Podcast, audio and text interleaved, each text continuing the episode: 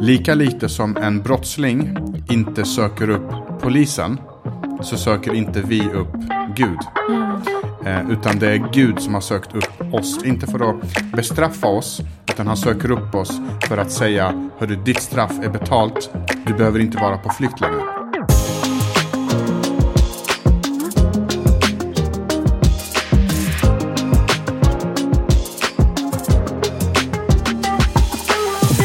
Välkommen till Tro och livsstil. Det är Irena som pratar här. Och här, eh, Hemen här, jag glömde bort mitt namn. Hemen här också.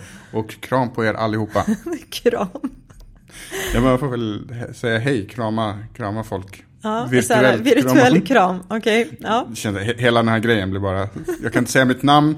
Säg... och du säger kram i introduktionen liksom. ja, det eh, blir helt fel. Ja. ja men, och, eh, kan, kan, man säga, eller, jo men jag har märkt, märkt det nu, att nu börjar folk eh, kramas igen. Det, är så här, det, ja. det, har börjat öppna upp lite grann. Vi har haft en pandemi nu med, under eh, några år, det var länge sedan känns det som nu, men men eh, man börjar märka att det börjar förändras. Mm, det börjar bli mer kram. Så var det ju inte, mer kramigt. Men så var det ju inte direkt efter pandemin. Nej, och jag minns inte. under pandemin, det, var ju, det, det, gick ju absolut inte att kramas. För då var man så här, du har pesten och jag kan inte röra vid dig ungefär. Ja. Det var till och med så här, typ att om du skickade ordet kram i ett sms, typ du skrev någonting och så bara kram på slutet, så fick du tillbaka en armbåge. bara för att markera, vi kramas inte, utan, eller en fist bara. Vi håller avstånd. Precis. Ja. ja. Eh, men det är sant faktiskt. Alltså det är lite sjukt, nu ska vi inte prata om eh, livet efter pandemin, men det är väldigt intressant att se hur vi är tillbaka till det som var innan och så snabbt. Mm. För nu är vi packade som sillar när vi står i kön vid eh, liksom, matbutikerna. Alltså du ja. vet, man, hör, man känner hur folk flåser i din nacke igen. Det var ju det vi ville ta avstånd ifrån. Mm. Och jag äh, tycker det är lite sorg att vi inte har lite mer avstånd idag. Alltså. För du det var, det? ja, alltså mm. inte det här med kramar och det, men lite köavstånd hade varit nice. Mm. Det är ja, inte det kul att bara... Mm. man bara känner bara, nej det var inte fläkten, det var du. Mm. Ja. Precis, det var inte aircondition. Nej men precis, ja. och, jag, eh, och jag, men jag kan fortfarande ändå märka att det är lite tveksamt när man möter någon. Ska vi kramas? Det är lite så här, mm. var står du, var står jag? Det är nästan som olika politiska eh, partier. Typ, vad röstar du på? Vad röstar, har vi något gemensamt? Kan vi köra kan vi den här kramen, kramen eller inte? Och det är lite trevande eh, fram. Jag har också märkt också att, att typ efter pandemin så är det som att folk har glömt bort hur man kramas. Mm. För, för, mig är det väldigt viktigt hur, hur en kram går till. Åtminstone, eh, och nu ska jag bara prata utifrån mitt mm, killperspektiv då. Hur, hur en man liksom eh, eh, kramar. Eh, och, eh, och, och då är det så här ju att, att när, man, när man kramar så är det så att man, liksom, det ska vara, man, man öppnar upp sin famn såklart. Ja. Och så har man vänster arm eh, ner och höger arm upp. Just eh, om, både, om, om den andra personen har gjort fel, att den andra gör tvärtom, då blir den här krocken, liksom, att man, man krockar med, sig, med varandras eh, armar. Utan vänster arm ner, höger arm upp och så omfamnar man varandra. Mm. Och sen så är det två dunkar, så dunk, dunk, släpp. Men det, det, det sjuka är att det, det stämmer ju. Ja, så bara alltså, två dunkar och så, och så, och så ja. släpper du. Liksom. Ja. Och, och det som man märker nu, det är så här, och det kanske är för att folk så här, längt, har längtat så mycket efter det här. Det är så här, dunk, dunk och så håller de kvar. Ja. Jag vet inte om det har varit någon, så här, någon person som man kramar och sen håller de kvar och man bara typ så här försöker dra isär sin kropp från den andra kroppen och indikera. Och så använder man den här dunken som man tror att alla ska känna till så här, dunk, dunk dunk, dunk, dunk, dunk, dunk, typ så här, släpp ungefär. Och så släpper de inte och så står man där i 30 sekunder. Och, eh, och, och det värsta är, vet du vad det värsta är? Det, but ja. wait, there's more. Ja. Det värsta är när det är vänster arm ner och höger arm ner, när den personen kommer på det sättet. Du vet, de kommer, med båda, de kommer med båda armarna ner och du tvingas komma med båda armarna upp. Och så står man och så infinner man sig att här står vi och dansar tryckare, ungefär två stycken män. Alltså himla kul. Men en, en, fråga, den här vänstra armen som ska ner, Alltså vad, vad, gör man med den? Är det där man tar liksom handtag med varandra? Nej, alltså det finns ju det här om man har liksom en arm, man, ja. man, det är den här klappen, klappen och sen och så, så, kör man och så, och så dunk, med, dunk. med vänster hand. Men Just nu pratar jag om riktiga, rena kramar. Ja. kommer du ihåg de här ryggsäckarna som hade typ bara en? Ja, sån axelremsväska. Precis, ja. och så gick den liksom så här. Och det, så blir dina ja, armar om okay. den andra. Så du omfamnar dem lite diagonalt kan man säga.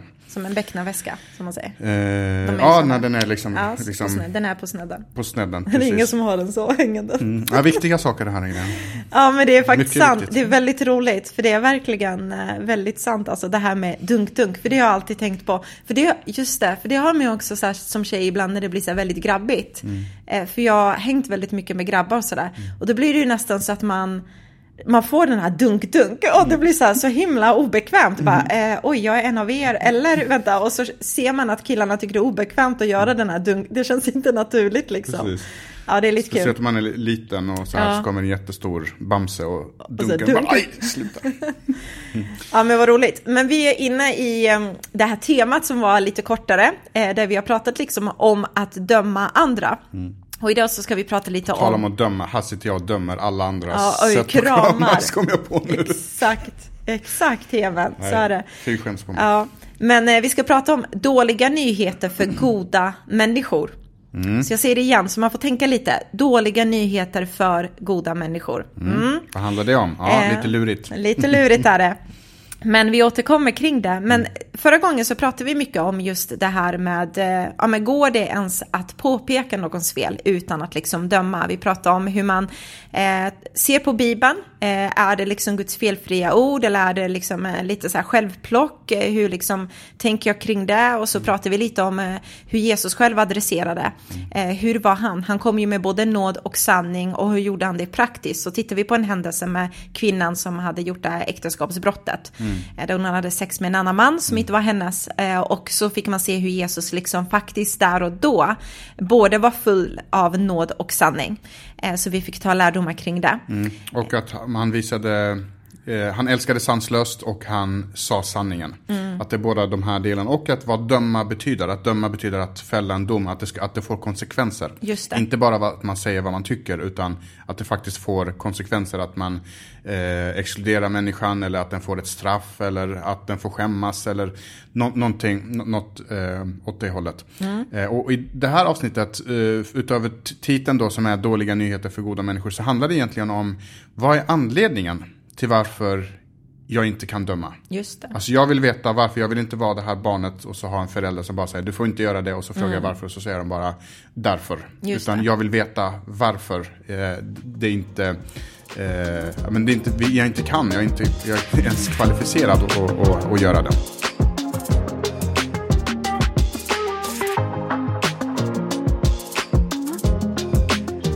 Men frågan är då, om vi ska svara på den här, men varför kan inte jag liksom döma någon annan? Mm. Precis. Jättebra fråga och det är en fråga som eh, man får ställa sig själv egentligen. Mm. Eh, att, att eh, det handlar inte bara får man döma eller får man inte döma.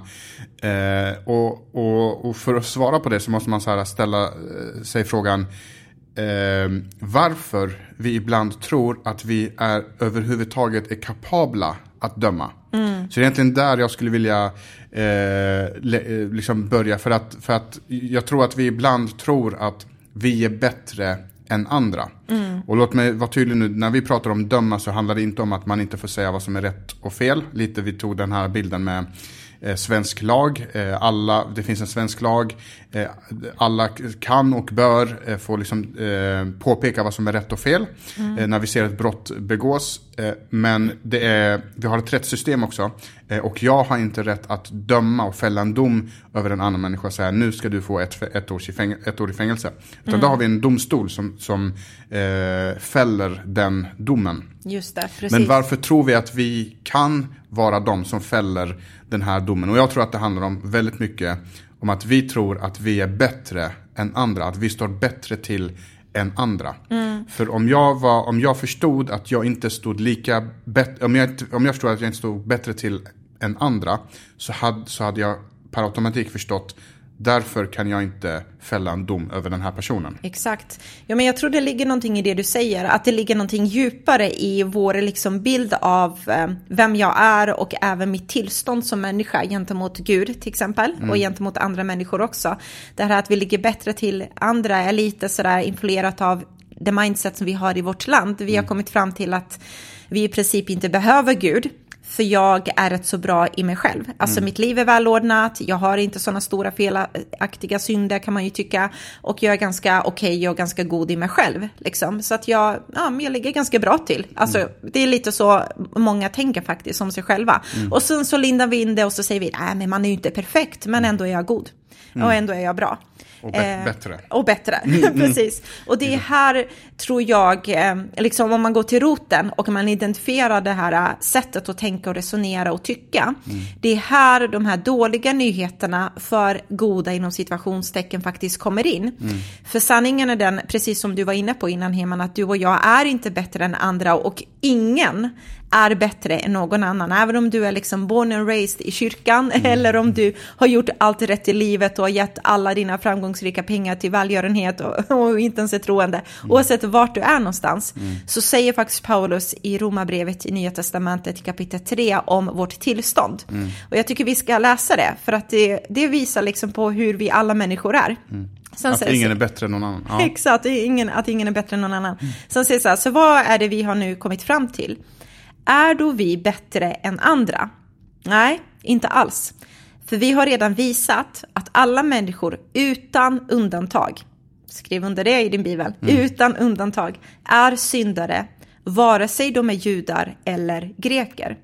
Det står ju skrivet, det finns ingen rättfärdig, inte en enda. Mm. Ingen som förstår något och ingen som söker Gud. Mm. Och så säger han, alla har vänt sig bort, alla är lika korrumperade. Det finns ingen som gör det goda, inte en enda. Mm. Tycker det, ja, man bör bara stanna upp och säga oj vilket, vilken beskrivning ja. av en, en människa. Alltså, vilken sanning. sanning men, men alltså det är dystert. Ja. Och det, det, är lite, lite, lite mörkt över det. Att det finns ingen rättfärdig. Så står det att ingen förstår något. Mm. Eh, och det har så här, är det verkligen så att ingen förstår någonting? Men det jag tror det handlar om det är att vi, vi tror att vi förstår så mycket, men Bibeln säger att våran kunskap är som dårskap inför Gud. Alltså vi tror att vi känner till så mycket, vi mm. kan så mycket. När vi dömer en annan människa så tror vi att vi kan den människans situation, bakgrundsinformationen, vi tror att vi har eh, liksom, det rätta perspektivet. Eh, vi, vi, vi, vi, kan alla de här sakerna. Sen säger han också det här, ingen söker Gud. Mm det är också så här, okej, okay, jag trodde att jag sökte Gud, men han säger ingen söker Gud, utan tvärtom det är Gud som har sökt upp oss mm. eh, och tagit oss till sig. Exakt. Det var Gud som fann mig, jag fann inte Gud. Och det var någon som, eh, jag hörde det i en predikan, någon som sa så här att lika lite som en brottsling inte söker upp polisen, så söker inte vi upp Gud. Mm. Eh, utan det är Gud som har sökt upp oss. Men Gud är inte bara en polis utan han är en kärleksfull far som har mm. offrat sin son för våran skull och betalat synden. Så han söker upp oss, inte för att bestraffa oss, utan han söker upp oss för att säga, hörru ditt straff är betalt, du behöver inte vara på flykt längre. Exakt. Och så fortsätter det här i vers 19, då står det så här att det som lagen säger är riktat till dem som är under lagen för att varje mun ska tystas och hela världen ställas till svars inför Gud. Mm. Eh, och än en gång så finns det liksom en lag som Gud har satt en standard. Mm. Alltså inte min standard, inte din standard, inte vad vi gemensamt här har kommit överens om. Utan mm. Gud har satt en standard och mm. lagen säger detta att ingen rättfärdig finns, inte en enda. Exakt. Och det blir liksom en väldigt jobbig diagnos från den som har skapat oss. Mm. Men så fortsätter det och så blir det värre. Än en gång i vers 20 så står det så här, ingen kan ju någonsin bli rättfärdig mm. inför Gud. Så även om du och jag försöker nu, så okej okay, jag vet, nu är det illa, men jag ska minsann visa här. Mm. Nej, ingen kan bli rättfärdig inför Gud genom laggärningar. Nej, mm. lagen kan bara ge insikt om synd. Ja, och det som gör att det här är en väldigt jobbig diagnos, och det, du använder ordet diagnos och det är ett väldigt bra ord, för det var precis det vi pratade om när du berättade om ditt läkarbesök, att du mm. fick en diagnos. Du, du har en cancerfläck och som tack och lov så var den eh, godartad och inte mm. elakartad. Så det gick liksom att skära bort den och så eh, fick det läka och, och bli mm. bra. Men det ställdes ändå en diagnos. Och du hade faktiskt varit hos flera läkare tidigare. Eh, och ingen av dem hade satt rätt diagnos. Exakt. Så du hade gått med det här under lång tid och det hade bara växt och växt och blivit eh, mm. värre. Och det hade kunnat komma till en punkt, kanske jag kan inte så mycket om det där, där det hade inte gått att hjälpa. Jag, jag, jag vet inte, mm. men, men, men så diagnosen här, men den här diagnosen är som sagt, det, det, är ingen rolig diagnos och det den säger egentligen, det du läste här sist var att vi befinner oss i ett syndigt tillstånd och vi kan inte göra någonting åt det. Mm. Och jag, jag, vet inte vad det är, alltså om vi bara pausar lite och pratar lite kring vad, vad gör det här med mig? Alltså när jag hör det här. Mm. På något sätt så, jag vet inte vad det gör med dig, men, men det gör mig i alla fall väldigt eh, Ja, men man blir väldigt ödmjuk som person. Alltså man blir, ehm, eller det gör mig ödmjuk. Inte mm. att jag blir ödmjuk som person, men det gör mig ödmjuk. För jag inser plötsligt varför jag inte kan fälla en dom hos någon annan. Mm. För att jag förstår mitt tillstånd. Alltså jag blir så här, gode gud, tack för din nåd, tack för din kärlek och jag kan inte fatta att du har gjort allt det här för mig. Mm. För ingenting i mig själv räcker till egentligen. Och det gäller oss alla. Och jag tror det är just det här när vi tror att vi är så mycket bättre än andra. Det är då, lite som jag var inne på förra avsnittet, där du fick stoppa mig lite när jag mm. pratade om det, att det är då vi blir faktiskt stolta och högmodiga och dömande. Mm. För att jag ser inte mitt eget tillstånd. Jag mm. ser verkligen inte innerst inne hur det verkligen är med mig på insidan. Ja. Nästan så att jag blundar för mina egna misstag och så börjar jag lägga all min energi på andra människor istället. Mm. Och det är det som är oftast vårt problem, om man ska vara lite så här inom kyrkliga, kyrkans bubbla, liksom att att vi delar inte med vårt eget, mm. utan vi är så intresserade av allt och alla andra, vad alla andra gör liksom. Yeah. och så börjar man ha de här olika måttstock mot varandra, men den är så här och den borde göra mer av det och den har för lite av det här och det är mm. för lite överlåtelse här och det är för mm. mycket av det här och det, det är fult i hur den pratar där och den är, du vet, alla dessa saker. Exakt, men så står det just här att är då vi bättre än andra? Nej, inte alls. Alltså Bibeln säger det klart och tydligt. Vi är inte bättre än andra och därför så blir jag okvalificerad mm. till att kunna fälla en dom. Jag är inte domaren så jag kan inte fälla den här eh, domaren. Och, och det här det blir väldigt dåliga nyheter för den som trodde att den var mm. god. Precis. Och, jag vill bara flika in här, här behöver vi ha två tankar samtidigt. Så du kan fortfarande veta vad som är rätt och sant. Mm. Men du kan inte fälla domen. Men du kan fortfarande veta och hålla fast vid vad som är rätt och sant. Och i kärlek till och med tala, tala ja. om det. Men du kan inte fälla domen. Mm. Eh, och kriterierna för när du ska tala om det eh, pratade vi om i förra avsnittet. Så missa, liksom, gå in, det borde vi ha sagt från början, mm. gå in och lyssna på, eh, på det avsnittet först. Att det handlar om att, den att du älskar den personen, du ska älska sanslöst. Mm. Och så, sen kan du säga eh, sanningen. Eh, och det finns en, en, berättelse i Bibeln som jag eh, tycker är så himla bra. Eh, och där Jesus verkligen lyfter fram just den här biten med eh, det här med ödmjukhet och vad ödmjukheten gör mot oss. Eh, mm. Och jag tänkte att vi kunde läsa den eh, tillsammans och ehm, sen så kan vi bara ja, men, ta lite lärdomar av den. Mm. då står det så här i Lukas evangeliet kapitel 18 och vers 9. Och bibeltexterna kommer vi lägga i eh, noterna i anteckningarna i det här avsnittet. Då står det så här.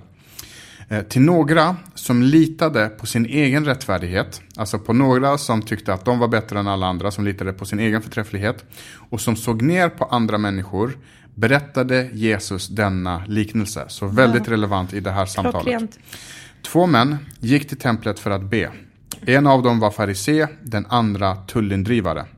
Eh, en farisé är de här perfekta, fina människorna. En tullindrivare är någon man såg ner på som tog för mycket skatt och så vidare. En, en syndare helt enkelt. Farisén stod för sig själv och bad Tack Gud för att jag inte är som andra. De som stjäl, gör orätt och är otrogna i sitt äktenskap. Eller som tullindrivaren där borta. Jag fastar två gånger i veckan och jag ger en tiondel av allt jag tjänar. Men tullindrivaren stod en bit bort och vågade inte ens lyfta blicken mot himlen utan slog händerna mot bröstet och ropade Gud var nådig mot mig syndare. Jag säger er att han var det, inte den andra som gick hem rättfärdig. Mm. För den som upphöjer sig själv ska förödmjukas, men den som ödmjukar sig ska upphöjas. Så verkligen en fantastisk berättelse om de två personer som går upp till templet för att, för att be och den andra är så stolt och mm. han tycker att han är så himla bra, han är bättre än alla andra. Han till och med inkluderade i sin bön. Tack att jag inte är så eh, eh liksom, dålig som den där människan eh, där borta. Och så står den andra en bit bort och slår sig själv på bröstet. Han slår sig själv på bröstet på eh, Mellanösternvis. Mm. Det vill säga han är förtvivlad över sitt liv. Han, inte som Tarzan liksom, som Nej. är stolt och stark. Utan han är förtvivlad över sitt tillstånd. Eh, han känner sig eh, dålig över det han har gjort. Och så ropar han Gud var nådig mot mig, syndare. Och då säger Jesus att det var han som gick därifrån ren, fri och rättfärdig men inte den andra. Mm. Och att när vi ödmjukar oss, det är först då vi kan ta emot förlåtelse. Eh, det är först då vi kan närma oss Gud för att vi ber om syndernas förlåtelse. Eh, och när vi tvärtom upphäver oss själva, mm. då blir det precis som, som, som du sa, vi blir förblindade eh, av vår egen förträfflighet. Och, eller det vi tror är vår egen förträfflighet. Så om man skulle liksom kunna summera det hela så kan man säga så här att den som tror att han är god i sig själv så är det kristna budskapet, evangeliet, väldigt dåliga nyheter. Mm. Men för den människan som ödmjukar sig och ser på sig själv med sanningens ögon och erkänner eh, att han är en syndare så är det kristna budskapet, evangeliet, väldigt goda nyheter. Det är ingenting man blir arg över, det är ingenting man blir sur över, det är ingenting man blir liksom provocerad över. Något som kan bli provocerat är ditt eget ego och stolthet. Och jag pratar bara utifrån mig själv, för jag skulle känna så. Men om man vet i sin ödmjukhet, alltså det här är ju sant. Mm. Det är ju faktiskt så. Då är det goda nyheter, för plötsligt så får man se vilken rikedom det var när Jesus kliver ner till vår värld och faktiskt visar sig för oss människor och försonar sig själv med oss liksom, genom hans död på korset. Det är helt otroligt. Precis. Och varför det heter dåliga nyheter för goda människor, de som tror att de är goda, för Bibeln säger att det finns ingen god utom en och det är eh, Jesus själv. Det är just den här, men tillbaka till liknelsen med den här, eh, det här läkarbesöket. Alltså om du tror att du är god, är lika med om du tror att du inte har någon sjukdom, då kommer du aldrig söka dig till en läkare. Mm. För faktum är att du, du, visste inte vad det här var. Du trodde att det Nej, bara var i tre en... år gick jag utan att söka till en läkare. Ja, för att du trodde att det var någonting som man, du, du testade och smörjade lite ja. med lite lotion och lite andra eh, medel och grejer. Men det gick aldrig bort. Så om mm. du tror att du är god, om du tror att du inte har brist, så kommer du inte söka dig till läkaren. Mm. Men det när du inser, jag är sjuk, jag behöver kolla upp det här, jag är en syndare, jag har gjort fel, jag behöver ta mig till läkaren, jag behöver ta mig till Gud för att kunna få en lösning. Mm. Eh, och de goda nyheterna då, för att precis på samma sätt som det är dåliga nyheter för goda människor, så finns det också goda nyheter för dåliga människor. Exakt, och de kan man ju läsa om. De är välskrivna i Nya Testamentet. Mm. I Romarbrevet kapitel 3 och vers 21-25. Då står det så här, men nu trots det här tillståndet då. Mm. Men nu har Gud visat en rättfärdighet som inte är beroende av lagen. Lagen och profeterna vittnar dock om den. Det är en rättfärdighet från Gud genom tron på Jesus Kristus och gäller alla som tror utan åtskillnad. Alla har ju syndat och gått miste om härligheten från Gud och nu har de gjorts rättfärdiga fritt av nåd genom att han låtit Kristus Jesus köpa dem fria. Gud lät honom, hans blod, offras till försoning för dem som tror. Mm. Eh. Så, de har, så du tog dig till läkaren och så ger läkaren goda nyheter. Hörru, det här kan vi mm. lösa. Jag kan plocka bort det här. Exakt. Eh, och det är det det står i vers 24. Nu har de gjorts rättfärdiga helt gratis, fritt av nåd genom att han låtit Kristus Jesus köpa dem fria. Gud låt honom eh, och hans blod offras till försoning för dem. Alltså att Jesus har dött för våra synder. Mm. Det finns en lösning, det finns goda nyheter, men jag kan aldrig ta emot de här goda nyheterna. Eh, det pratas om nåd och nåd är just det här en, en fri gratis gåva som jag mm. får från Gud som jag inte har förtjänat själv. Exakt. Utan jag får det trots att jag inte förtjänade. Ja. Inte på grund av att jag förtjänade. Mm. Och för att kunna ta emot den gåvan så behöver jag förstå mitt tillstånd. Mm. För så länge jag inte förstår mitt tillstånd så kommer jag aldrig kunna ta emot den fria gåvan. Exakt, och så som Bibeln lägger upp det och beskriver det så är det lite grann att när vi kommer till himlen så är det som att det kommer finnas liksom två vägval jag får göra. Och det ena vägvalet är att jag tror på min egen förträfflighet. Jag tror att jag är bättre än alla andra. Jag tror att jag är en god människa. Eh, jag tror att jag inte behöver Gud. Mm. Eh, och då kommer jag bli bedömd utifrån det. Dina okay? egna prestationer i livet. Liksom. Dina egna meriter, mm. dina egna prestationer. Okej, okay, men låt mm. se. Så sätter Gud sig ner tillsammans med dig och så gör han räkenskap. Vad har du gjort gott? Vad har du gjort ont? Ehm, och, eh, och, och, så gör han en bedömning utifrån det. Och Bibeln säger att det räcker med en enda synd. Mm. För då, då har du liksom gjort dig skyldig till hela registret. Så att svaret där vet vi redan. Det kommer inte gå så bra med mm. det vägvalet. Det andra vägvalet är just det här som vi pratar om. Att ödmjuka sig eh, säga till Gud, du, jag, jag vet att jag har inte lyckats, men tack Jesus för att du dog på korset för mina synder. Tack för att du betalar priset för mm. mina synder. Och då kan vi komma till Gud rakryggade och säga, jag är fri och förlåten, mm. jag kan komma in eh, och, och ta del av den här eh, och, och veta att jag är rättfärdig eh, inför Gud. Ja. Eh, och det är det som är anledningen till varför vi inte kan döma andra människor. Exakt. För att jag är inte kvalificerad att göra det. Det finns en domstol som har som uppgift till att, att, att, att göra detta. Mm. Ja men verkligen och jag tänker också så här om du lyssnar här och du kanske inte är helt övertygad om den kristna tron och sånt så, så tänker jag också så här men du vet om du väljer alternativ nummer ett där du litar på dina egna prestationer så har du allt att förlora mm. egentligen. Men om du väljer alternativ två, där du i ödmjukhet egentligen bara inser, jo men det är ju sant, jag är ju så här, så har du allt att vinna på. För att här under jordelivet så blir du en människa som är ödmjuk, du blir mm. en människa som inte fäller dom på andra, du blir en människa som förstår andras processer, du blir en människa där, eh, där liksom, eh, ja men du, du har en bättre självinsikt och sen så får du ta emot dessutom liksom relationen med Gud där. Mm. Men man har allt att vinna på genom att gå den vägen liksom. Eh, så det är verkligen goda nyheter för alla dåliga människor. Mm. Eh, och eh, jag, jag tycker det är helt fantastiskt för att någonstans så blir det också det här att jag har gjort så många fel som jag vet liksom. Men Jesus har gjort allting rätt för mig. Mm. Och det är helt otroligt liksom. Mm. Eh, och jag i mig själv var orättfärdig. Det betyder jag kan inte stå rätt till med Gud. Det, jag var helt orättfärdig i mig själv. Men Jesus har gjort mig rättfärdig. Att mm. jag står rätt tillsammans med Gud. Att mm. han, hans verk på korset har försonat mig tillsammans med Gud. Och jag har inte gjort ett smack för att kunna förtjäna det och, och, och få det. Utan Gud gör det för att han älskar mig. Mm. Så jag var Guds fiende. Men Jesus har gjort mig till sitt barn. Mm. Alltså jag förtjänade egentligen Guds dom, men Kristus tog min dom på sig. Jag var död på insidan, men Jesus har gjort mig levande. Jag var på väg mot en evig död, men Jesus Kristus har gett mig ett evigt liv. Och jag platsade inte, men Jesus Kristus har skrivit mitt namn i Livets bok. Och jag var så okvalificerad, men Jesus har gjort mig kvalificerad på grund av hans nåd. Mm. Så det är verkligen goda, goda nyheter för oss som är dåliga människor.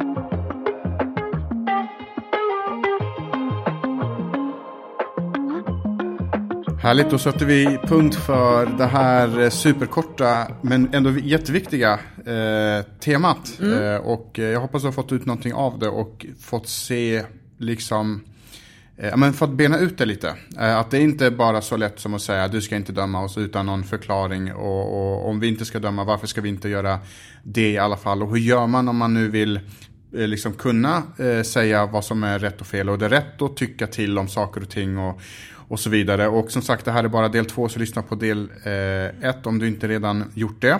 Eh, och eh, här framöver så kommer vi med fler poddavsnitt eh, mm. och dela, som vi brukar säga, ja. till folk. Jag tror, jag tror så här, jag tror att väldigt många, vårt samhälle skulle bli väldigt, väldigt mycket bättre om folk hade de här perspektiven. Ja. Så jag tror det finns väldigt många människor som skulle behöva eh, höra det här. Så dela gärna på dina sociala medier eller bara ge, eh, skicka en länk till någon till det här avsnittet. Mm. Eh, så de får lyssna på det. Och dyker upp frågor, invändningar, skriv till oss. Vi eh, tycker om att ehm, svara och, eh, eh, och höra vad som ligger på ditt hjärta. Ja, det gör vi. Så glöm inte att du är så älskad av Gud, mer än vad du fattar och förstår och känner ibland. Eh, så bär med dig det och eh, låt Gud fortsätta göra den här processen i ditt hjärta. Eh, så ha det bra och ta hand om dig. Hej då! Hej då!